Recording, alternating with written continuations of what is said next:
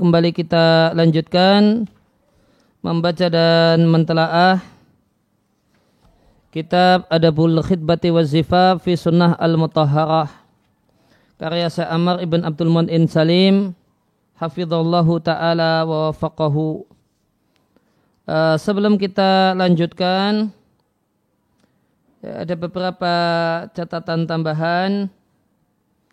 Ya berkenaan dengan pembahasan al-ghina atau nyanyian di halaman 153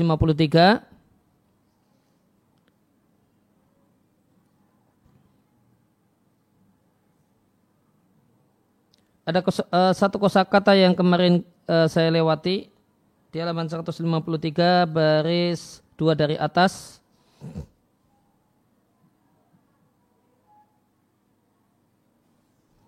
Di antara syarat nyanyian yang dibolehkan uh, ketika walimah adalah syarat yang keempat kosong dari hal-hal yang mimma yahrumu dikruhu, hal-hal yang haram untuk disebutkan. Ya, contohnya adalah at-tashabbubu bihi. Tasyabbub itu artinya menyebutkan kecantikan dan daya tarik perempuan. Bibirnya, lehernya, alis matanya, dan dan seterusnya. Kemudian berkenaan dengan al-ghina al-muharram di masih di halaman 153 di bagian bawah tentang nyanyian yang haram. Kemarin kami sampaikan bahasanya kata-kata al-ghina itu sendiri dalam bahasa para ulama itu mengandung tiga kemungkinan uh, makna yang pertama adalah nyanyian plus alat musik. Kemudian yang kedua adalah uh, al-kalam at-tarannum, at-tarannum fil kalam, uh, suara yang bernada, suara yang berdendang. Kemudian uh, yang ini, yang poin yang kedua ini diperselisihkan ulama. Ada tiga pendapat dalam masalah ini. Saya ingin bacakan tiga pendapat tersebut di kesempatan kali ini. Kemudian yang ke ketiga adalah ucapan atau kalimat-kalimat yang ya, atau namanya huda yaitu dendangan penggembala kambing atau penggembala ketika menggiring hewan uh, hewan gembalaannya. Ya, maka itu juga disebut rina dalam bahasa para ulama. Maka ketika kita membaca uh, istilah ini maka perlu didudukkan hal yang mana yang dimaksudkan. Dan rina dalam bahasa yang dipakai oleh penulis buku ini adalah rina jenis yang kedua. Ya, buktinya karena di halaman setelahnya nanti di halaman 55 beliau membuat bahasan secara khusus tentang al-ma'azif yaitu alat-alat musik, suruling, piano dan yang lainnya. Nah tentang rina dalam pengertian uh, atara nominal kalam, ucapan yang berdendang, ucapan yang bernada, maka penjelasan detail tentang uh, perselisihan ulama dalam masalah ini dijumpai di Mandumatul Adab karya Samsuddin Muhammad ibn Abdul Qawi ibn Abdul Qawi al-Mardawi al-Hambali ulama yang wafat tahun 699 Hijriah. Beliau mengatakan saya bacakan dari Sarah Mandumatul Adab yang berjudul Nuzhatul Ahbab. Di bait yang ke-67 dari Mandumatul Adab ini dikatakan oleh ya, oleh Muhammad ibn Abdul Qawi al-Mardawi al-Hambali wa yahrumu mizmarun wa syababatun wa ma yudahihima min alatillahi wa radi. Haram hukumnya ya, uh, me, ya, memanfaatkan atau mendengarkan mizmarun suruling wa syababatun dan syababah. Syababah maknanya alat seperti seruling terbuat dari bambu kemudian ditiup sama. Berarti dengan seruling wa mayudahihima dan yang serupa dengan keduanya min alatil lahwi yang merupakan alat musik waradi dan merupakan alat yang mengantarkan kepada kehinaan. Walau lam yuqarinha ghinaun jami'aha. Meskipun alat musik tersebut tidak beriringan dengan nyanyian. Jami'aha maka semua alat musik itu haram. Faminha dawul autari di antaranya adalah alat musik yang memiliki senar Duna takayudi maka alat musik seluruhnya terlarang tanpa ada ya, pengecualian. Maka tadi disampaikan haram hukumnya uh, suruling dan yang serupa dengannya yaitu yang mirip dengannya berbagai macam alat musik dengan berbagai macam bentuknya. Kemudian ditegaskan meskipun alat musik tersebut tidak diring dengan nyanyian maka alat-alat tersebut wajib untuk dihancurkan meskipun dibunyikan tidak diiringi dengan nyanyian karena yang namanya rina namanya nyanyian boleh jadi plus alat musik dan terkadang tanpa alat musik dan termasuk kemudian alat musik yang terlarang adalah dawil autari yang pakai senar, pakai senar, ya, semacam gitar dan yang lainnya. Tuna taqayyudin maka seluruhnya haram, beliau katakan tanpa batasan, yaitu tanpa dibasati dengan bentuk tertentu. Bal kulluha muharramatun syar'an, bahkan seluruhnya haram menurut syariat. Wah, kemudian itu tentang alat musik. Ya, kemudian di bait 69 disampaikan wa hadrul ghina'i al aktsaruna qadau bihi. Wa an abawai bakrin imamin wa muqtadi. Ibahatuhu lakurhuhu wa abahahul imamu abu ya'la ma'al kurhi fanshudi. Ya, kemudian tentang masalah nyanyian tanpa alat musik di Ibn, uh, Muhammad ibn Abdul Qawi al-Mardawi al-Hambali mengatakan wahadrul ghina'i dan haramnya nyanyian al-aktharuna mayoritasnya qadau bihi berpendapat dengannya. Sedangkan dari dua orang bernama Abu Bakar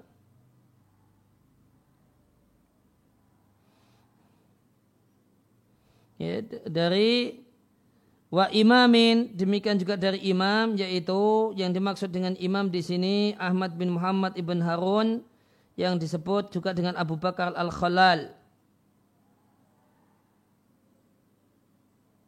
Wa muqtadi dan Abu Bakar yang mengikuti yaitu Abu Bakar yang terkenal dengan sebutan Ghulamul Khalal. Maka dua ulama Hanabilah ya, yaitu Al-Khalal yang disebut dengan imam semuanya bernama Abu Bakar. Yang satu disebut dengan imam yaitu Al-Khalal Abu Bakar Al-Khalal kemudian yang kedua adalah Ghulamul Khalal ya dua-duanya berpendapat ibahatuhu hukumnya mubah lakarhuhu bukan makruh wa abahahu dan Ya, nyanyian yang murni tanpa alat musik dimubahkan oleh al-imam Abu Ya'la. Ya, dimubahkan ma'al kurhi namun plus makruh. Fan sudi katakanlah demikian. Maka di sini Muhammad ibn uh, uh, ibn Abdul Qawi al-Maghdawi menyebutkan tiga pendapat ulama tentang hukum al-ghina, nyanyian yang murni nyanyian. Yang pertama bahwa at-tahrimu mutlaqan wa huwa sawabu. Eh, pendapat yang mengatakan hukumnya haram dan inilah pendapat yang benar menurut uh, pensarah manduma al-adab. Kemudian pendapat yang kedua boleh tanpa makruh dan ini adalah pendapat Abu Bakar Al-Khalal penulis kitab Al-Jami' dan Abu Bakar Hulamul Khalal. Keduanya berpendapat, dua ulama Hanabilah ini berpendapat kalau hukumnya mubah tanpa makruh. Kalau yang, yang mengatakan hukumnya haram tadi disampaikan adalah mayoritas, mungkin mayoritas Hanabilah. Kemudian pendapat yang ketiga adalah madhab ilai Abu Ya'la dia adalah pendapat Abu Ya'la, Al-Qadi Abu Ya'la yang disebut dengan Syekhul Madhab. Beliau berpendapat e, nyanyian yang murni nyanyian tanpa alat musik hukumnya makruh, makruh tanzi. Dan ini semua tiga pendapat ulama tentang al-ghina al-mujarad, nyanyian yang bentuknya sekedar ataran nominal kalam, berdendang, uh, kalimat bernada boleh jadi untuk menina bubukkan bayi atau sambil gendong-gendong bayi atau yang lainnya. Ya. ya ini semua adalah untuk al-ghina al-mujarad Allah dikuluhu mujaratu sautin yang seluruhnya hanya suara saja. Adapun jika uh, nyanyian tersebut diiringi dengan alat musik atau uh, muatannya adalah muatan hal yang memalukan, hal yang kalimat-kalimat yang buruk. Fala syaka anna hadha muharramun indal jami' ya, maka hukumnya haram menurut dengan uh, menurut semua ulama. Ya, jika plus alat musik atau hanya semata nyanyian namun kontennya konten yang jelek.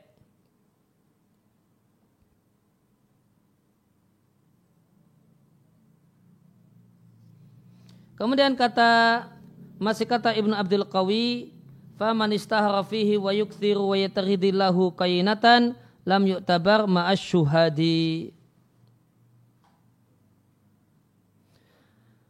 Ya, adapun orang yang populer dengan bernyanyi, wa yukthir dan sering bernyanyi dan bahkan dia memiliki kainatan budak perempuan penyanyi untuk mendengarkan untuk mendengarkan nyanyian untuk menikmati nyanyiannya.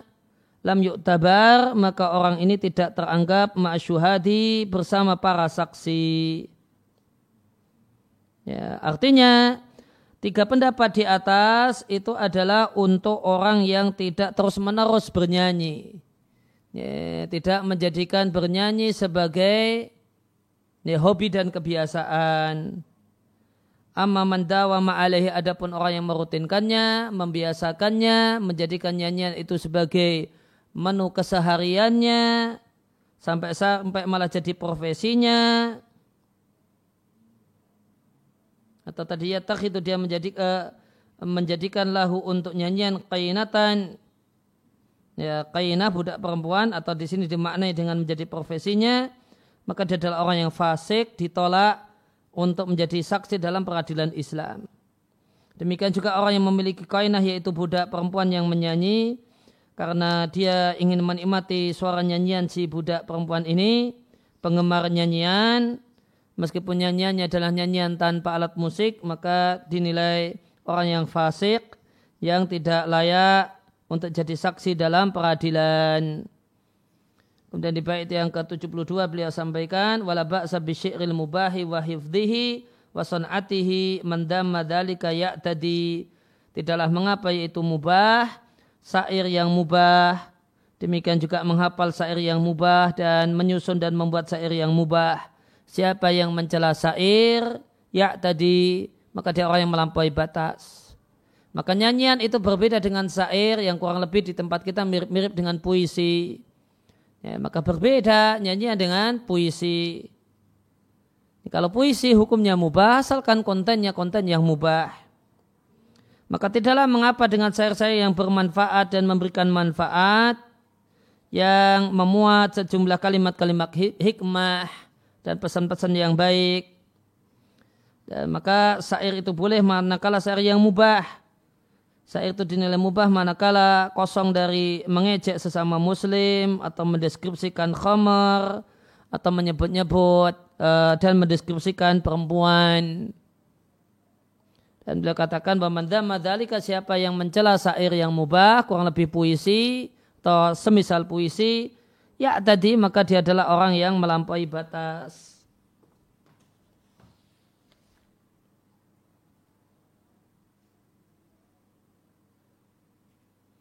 Ya kemudian ya, itu tentang nyanyian Eh, kemudian bisa kita lihat halaman 155 baris yang paling atas.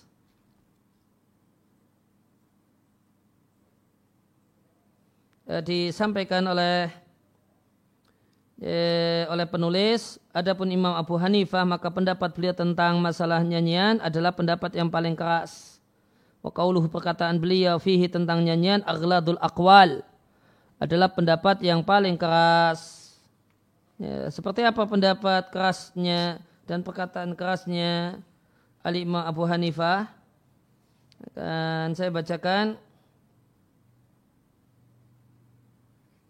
Pendapat Imam Abu Hanifah dikutip oleh ya, Abu Tayyib atau Bari bila katakan adalah Imam Abu Hanifah membenci nyanyian wa sima al-ghina'i minadz-dzunubi dan beliau jadikan mendengarkan nyanyian itu bagian dari dosa. Dari Imam Abu Hanifah rahimallahu taala beliau mengatakan annal ghina'a haramun fi jami'il adiyani dia katakan bahasanya nyanyian itu haram dalam semua agama.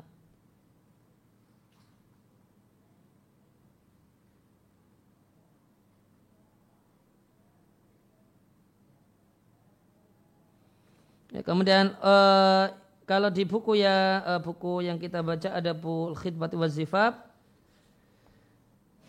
di beliau ya, penulis Amr itu mengutip dari perkataan Ibnu Qayyim di Irasatul Lahfan namun ada, namun kalau kita tengok ke Ighasatul Lahfan, kalimat yang lebih jelasnya adalah sebagai berikut. Ya, madhab Imam Abu Hanifah fi tentang nyanyian adalah min asyadil madahibi adalah pendapat yang paling keras. Perkataan beliau tentang nyanyian adalah agladul akwal. Perkataan yang paling keras. Waqat saraha ashabuhu. Para ulama pengikut madhab Hanafi telah menegaskan bitahrimi sama'il malahi kulliha haramnya mendengar alat musik seluruhnya semacam seruling kemudian rebana ya, sampai-sampai uh, memukul dengan ya, dengan kayu klotean gitu mungkin kata orang Jawa. Wasarahu bi annahu maksiatun dan mereka menegaskan bahasanya itu adalah maksiat tujibul fisqa menyebabkan fasik orang yang melakukannya. Wa turaddu bihi asyhadatu dan tidak sah kalau menjadi saksi dalam pernikahan dan yang lainnya wa ablaghu min dalika dan lebih dahsyat lagi anahum qalu para ulama Hanafiyah mengatakan inna sama'a fisqun. Bahasanya mendengarkan nyanyian itu kefasikan. Wa taladzudzu bihi kufrun. Nah ini. Mungkin kerasnya demikian. Mereka mengatakan bahasanya mendengarkan nyanyian atau mendengarkan uh, ini konteksnya alat musik ya. Sebelumnya bahas tentang alat musik. Uh, mereka mengharamkan mendengarkan alat musik seluruhnya sampai-sampai alat musik yang sederhana. Mereka tegaskan bahasa mendengarkan alat musik itu maksiat, ya, bahkan menyebabkan kefasikan artinya dosa besar. Jadi madhab Imam Abu Hanifah mendengarkan alat musik itu kefasikan alias dosa besar bukan dosa kecil namun dosa besar uh, dan tidak diterima uh, persaksiannya. Ya, tidak terima seandainya dijadikan saksi. Bahkan mereka para ulama madhab Hanafi mengatakan ini menunjukkan sisi kerasnya inna sama afiskun. Mendengarkan uh, alat musik itu kefasikan yaitu dosa besar wa bihi kufrun. Dan menikmatinya itu kekafiran. Ya, oke ini tentu bahasa yang sangat keras dan tentu kekafiran di sini bukanlah kekafiran yang membatalkan iman. Hada lafzuhum demikian teks perkataan mereka para ulama madhab Hanafi sehingga disebut oleh Ibnul Qayyim dengan sebutan uh, madhab Abu Hanifah adalah madhab yang paling keras dalam masalah uh, masalah nyanyian dan alat musik. Itu tambahan yang ingin saya bacakan. Selanjutnya kita lanjutkan membaca Adabul Khidbati wa Zifa fi Sunnah Al-Mutahharah. Qala al-musannif hafizallahu taala wa faqahu hurmatul ma'azifi haramnya alat musik. Maka asyaddu lebih jelek minhu dari nyanyian adalah menggunakan alat torbi alat musik wa alatul azfi sama alat musik wa alatul musiqa sama yaitu alat musik. Maka jika udifa ilaiha jika digabungkan ditambahkan pada alat musik ini al-ghina'u al-majin. Ya, nyanyian yang tidak punya rasa malu. Menyebutkan nyanyian yang seronok gitu bahasa kita. Ya. Ya, kalau kata sebagian orang kalau di di musik dangdut disebut dengan dangdut koplo gitu. Kanat asyadda fil hurmati maka keharamannya lebih keras lagi dan dosanya lebih besar lagi. Wa ghaliban dan umumnya tidaklah kosong acara-acara al-afrah wal a'ras, acara afrah pernikahan wal a'ras dan pernikahan al di zaman ini dari min ihya'iha bil ma'azib. Dihidupkan dan diramaikan dengan alat musik kemudian wal aghani dan nyanyian dan nyanyiannya adalah nyanyian yang al al isinya adalah kalimat-kalimat yang seronok, porno, wal mujun dan tidak punya rasa malu. Nah kalau plus nyanyian-nyanyian semacam ini, maka tidak ada perselisihan tentang keharamannya. Yeah. Maka kalau hina, kalau nyanyian yang bebas dari uh, konten yang bermasalah diperselisihkan. Kemudian alat musik, alat musik, nyanyiannya kemudian uh, pakai alat musik namun ada nyanyiannya itu kontennya ndak uh, kontennya tidak bermasalah. Yeah. Maka banyak ulama mengklaim ijma kalau hukumnya haram namun ada segelintir ulama yang membolehkannya. Nah, eh, itu kalau kalau alat musik nyanyiannya nyanyian bebas dari konten yang haram maka ada segelintir ulama yang membolehkannya. Terutama ulama belakangan, ulama kontemporer. Nah, kalau alat musik ini dicampur dengan nyanyian yang kontennya haram menyebutkan perempuan, kemudian porno atau diiringi dengan goyang pantat dan yang lainnya maka tidak ada perselisihan sama sekali di antara para ulama seluruhnya tentang keharamannya. Bahkan beliau katakan, wahada kuluhu ini semua haram dengan sangat haram. Tidak ada, tidak akan ada yang melakukannya kecuali malah khalaqalahu fid dunya wal akhirah. Tidak ada bagian darinya dari kebahagiaan hati di dunia dan di akhirat. Dan wal ulama umujami'una ala tahrimi dhalik. Dan para ulama sepakat haramnya alat musik. Jadi keharaman alat musik tadi saya sampaikan banyak ulama yang menukil ijma sepakat ulama keharamannya. Nah, di antara yang menerima nukilan ijma dalam hal ini adalah penulis buku yang sedang kita bahas, yang sedang kita baca. Ya, ada pendapat yang membolehkannya segelintir dan itu ya, segelintir dari ulama terdahulu semacam Ibnu Hazm dan segelintir dan, dan uh, sejumlah atau uh, sedikit dari ulama uh, ulama kontemporer. Nah, di sini penulis ya, Sa'amr termasuk yang menerima nukilan ijma dalam masalah ini. Maka beliau menegaskan bahasa ulama sepakat tentang haramnya menikmati alat musik sebagaimana terdapat tentang masalah ini terdapat nukilan atau riwayat yang sahih. Dan di antara yang menegaskan ijma ya, haramnya alat musik adalah salah satu ulama besar Syafi'iyah yaitu Abu Amr ibn Salah Asy-Syafi'i rahimallahu taala terkenal di dunia ilmu hadis. Uh, beliau mengatakan yu'lam tidaklah diketahui bahasanya rebana juga juga syababah tadi telah kita baca syababah itu artinya suruling suruling dari bambu wal dan nyanyian Iza istama'at jika terkumpul. Ada nyanyian, ada seruling, ada rebana. Jika terkumpul berarti ini alat musik plus nyanyian. Fastima'u dhalika haramun. Maka mendengarkannya hukumnya haram. Bedakan antara mendengarkan dengan mendengar. Mendengar ya lewat tanpa tanpa punya maksud untuk menikmatinya. Kalau mendengarkan ya duduk, menyimak. Ya maka mendengarkannya hukumnya haram menurut para imam dari berbagai madhab dan selain para imam-imam madhab dari kalangan para ulama kaum muslimin. Dia mengatakan walam yathbut an ahadin tidaklah uh, tidaklah valid dari satupun ulama mimman yu'taddu biqaulihi yang ucapannya teranggap dalam ijma ya, dan perselisihan annahu abaha hadha sama'a yang mendeng, yang memubahkan mendengarkan uh, mu, uh, ya, mendengarkan alat musik bercampur dengan nyanyian. Maka artinya beliau mengakui ada ulama yang membolehkan alat musik, namun ulama tersebut adalah ulama yang tidak teranggap pendapatnya. Jadi pendapat beliau tidaklah mempengaruhi sah dan tidaknya nukilan ijma'. mungkin wallahu a'lam yang beliau maksudkan dengan hal ini adalah Ibnu Hazm.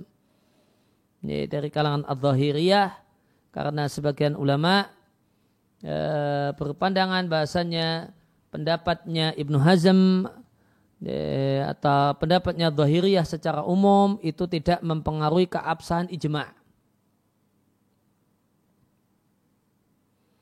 Kemudian kata penulis dan pendapat ini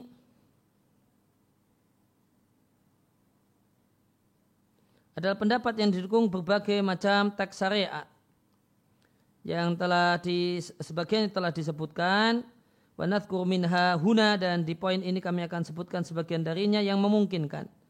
Kami katakan yang pertama hadis dari Ibnu Umar radhiallahu anhu dari Nafi beliau mengatakan Ibnu Umar mendengar suara suruling. Maka beliau meletakkan dua jarinya pada dua telinganya dan beliau menjauh dari jalan. Kemudian beliau berkata kepadaku, wahai Nafi, apakah engkau mendengar sesuatu? Qal fakultu kemudian aku katakan la aku tidak mendengar apa-apa. Qal Ibnu Umar kata Nafi maka Ibnu Umar melepas dua jarinya dari dua telinganya. Fakal kemudian dia mengatakan aku bersama Nabi Shallallahu Alaihi Wasallam lantas Nabi mendengar semisal ini yaitu suara suling maka beliau melakukan semisal ini uh, catatan kaki dikeluarkan oleh Abu Dawud ya, sanat yang sama ada di Bayhaqi bi sanatin sahihin dengan sanat yang sahih ya, wakot illa dinilai cacat oleh sebagian orang dengan namun dengan sesuatu yang sebenarnya bukan cacat. Nah, kemudian hadis yang kedua dari Abu Amir atau Abu Malik al Ashari radhiallahu anhu beliau mendengar Nabi Wasallam bersabda, akan ada di dari umatku. Masih beliau katakan umatku berarti dia muslim. Akwamun sejumlah orang yastahiluna yang menghalalkan. Wallahu taala alam menghalalkan di sini maknanya menghalalkan dengan perbuatan. Karena istihlal atau menghalalkan itu ada dua macam menghalalkan dengan keyakinan. Kalau menghalalkan dengan keyakinan dalam pengertian meyakini halalnya perbuatan yang haram ya, semacam zina, maka bukan lagi umat Muhammad Sallallahu Alaihi Wasallam. Tapi kalau menghalalkan dengan perbuatan, misalnya menghalalkan zina dengan perbuatan, akhirnya sering berzina, ya, maka ini pelaku maksiat ya, dan tidak ya, kafir dan batal Islamnya karena zinanya. Nah ada sejumlah orang yang menghalalkan al-hira zina. Nah, maka perhatikan dia menghalalkan zina namun di sisi yang lain Nabi mengatakan min umati ya, umatku. Berarti umatku artinya muslim. Yaitu umat di sini umatul ijabah. Yaitu orang yang menerima ajakan Nabi Shallallahu Alaihi Wasallam maka dia muslim. Sehingga berdasarkan alasan tersebut maka yastahiluna di sini istihlal di sini adalah istihlal al-fi'li. Ya, ya, menganggap halal dengan perbuatannya karena sering melakukannya. Maka ada sekelompok orang yang menghalal dengan perbuatannya dia menghalalkan al-hira zina. Hira makna aslinya kemaluan dan yang dimaksudkan adalah zina. Wal harira dan sutra menghalalkan khamar. Kalau menghalalkannya dengan keyakinan ya, maka siapa yang mengharamkan khamar dengan keyakinan maka batal keislamannya bukan muslim. Sehingga yastahiluna di sini tegak uh, jelas maknanya adalah menghalalkan dengan perbuatan. Wal ma'azib demikian juga menghalalkan alat musik. Maka ini semua menunjukkan bahwasanya ya, sebagaimana khamr itu haram, sutra itu haram bagi laki-laki, zina itu haram, maka demikian juga ma'asib alat musik itu juga haram. Sehingga orang yang uh, menikmatinya disebut dengan sebutan yastahilluna menganggap halal. Dan sungguh ada sejumlah orang yang singgah di samping alamin, di samping gunung. Yaruhu alaihim bisarihatin lahum.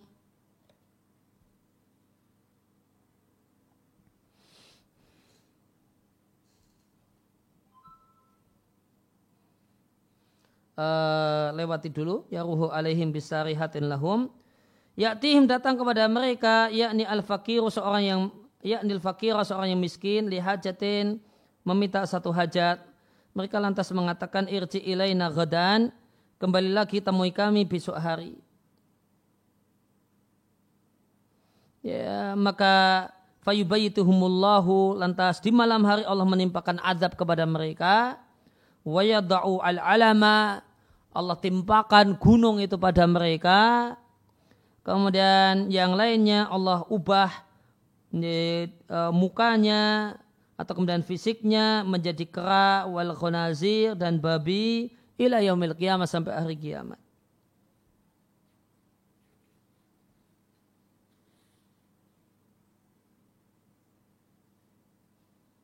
E, catatan kaki hadis ini dikeluarkan oleh Bukhari taklikan dengan ada sanat yang terputus dari gurunya Hisham ibn Ammar. Hisham bin Ammar mengatakan hadasana Sadaqa ibn Amir, kalau hadasana Abdurrahman ibn Yazid ibn Jabir, Qala hadatsana Atiyah ibn Qais al-Kulabi, qala hadatsana Abdurrahman ibn Ghanam al-Asy'ari. Qal hadatsani Abu Amir atau Abu Malik al-Asy'ari bihi dengan redaksi di atas. Ya, maka dinilai ada yang putus eh, antara Abu Khari dengan Hisham ibn Ammar wa wasalau an Hisham ghairu wahidin. Namun sejumlah ulama menyebutkan sanatnya secara bersambung sampai ke Hisham. Hada ala ana ta'liq al-Bukhari lil hadis an saykhihi la yu'addu inqita'an.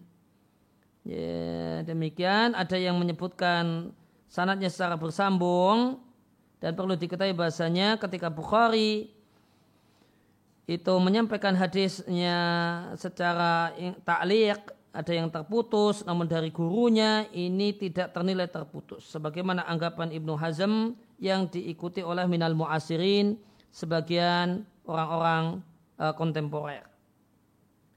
Dan hadis ini yang dikeluarkan dengan sanad yang utuh tanpa terputus oleh Abu Dawud dari jalur Bishr, Bishr ibn Bak, uh, Bakar dari Abdurrahman bin Yazid bihi dengan redaksi di atas. Ya, maka saya bacakan agak lengkap karena uh, ada sebagian orang yang menilai daif hadis ini. Eh, dan tadi telah diberikan uraian singkat tentang sanggahannya. Kemudian kembali ke atas dalil yang ketiga asar dari Ibnu Umar radhiallahu anhu dari Nafi dari Ibnu Umar. Eh dari Nafi sunya Ibnu Umar melewat uh, mar alaihi kaumun melewati Ibnu Umar sekelompok orang. Muhrimuna yang mereka dalam kondisi ihram wa fihim rajulun yataghanna dan di antara rombongan orang-orang yang ihram ini mungkin umrah atau haji ada yang bernyanyi. Fakal maka Ibnu Umar mengatakan, Ala la Allahu lakum. Ingatlah bahasanya Allah tidak mendengarkan kalian. Ala la Allahu lakum. Allah tidak mendengarkan kalian. Kalian berihram, kalian baca talbiyah dan yang lainnya Allah tidak dengarkan.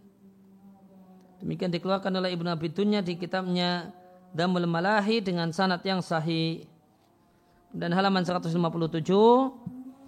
Atharun akhar riwayat yang lainnya dari Ibnu Umar radhiallahu anhu dari Abdullah bin Dinar beliau mengatakan Ibnu Umar melewati seorang jariyatin sariratin anak perempuan yang masih kecil ya Tughani dia bernyanyi. Ini anak kecil bernyanyi yang tentu belum dapat beban dosa sebenarnya namun hal-hal yang jelek dan hal-hal yang haram patut untuk di dihindarkan dari anak ini dalam rangka latihan, bukan dalam rangka karena itu bernilai dosa, namun dalam rangka supaya dia tidak terbiasa dengan hal yang haram. Fakal maka Ibnu Umar mengatakan, Lau taroka syaitanu ahadan taroka hadihi. Seandainya setan itu meninggalkan seseorang dan tidak menggodanya, tentu setan akan tinggalkan anak kecil perempuan ini. Dikeluarkan oleh Bukhari di Adabul Mufrad dengan sanad yang sahih. Maka ini menunjukkan bahasanya anak kecil juga dapat godaan setan. Meskipun dia tidak berdosa dengan perbuatannya, namun bukan berarti bebas dari godaan setan. Kata Ibnu Umar, seandainya ada orang yang bebas dari godaan setan, niscaya anak perempuan kecil ini yang masih mungil, imut-imut ini nah, tidak mendapatkan godaan setan.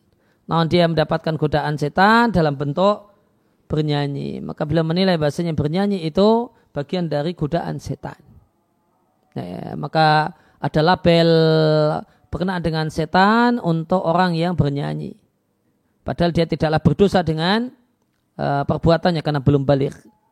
Namun oleh Ibnu Umar tetap dikasih label dia dapat godaan setan. Ini menunjukkan sangat tercelanya uh, hal ini. Demikian wasallallahu ala nabiyina Muhammadin wa ala alihi washabihi wasallam wa da'ana alhamdulillahi rabbil alamin. Kita akhiri dengan kafaratul majlis subhanakallahumma wa bihamdika asyhadu an la ilaha illa anta astaghfiruka wa atubu ilaik.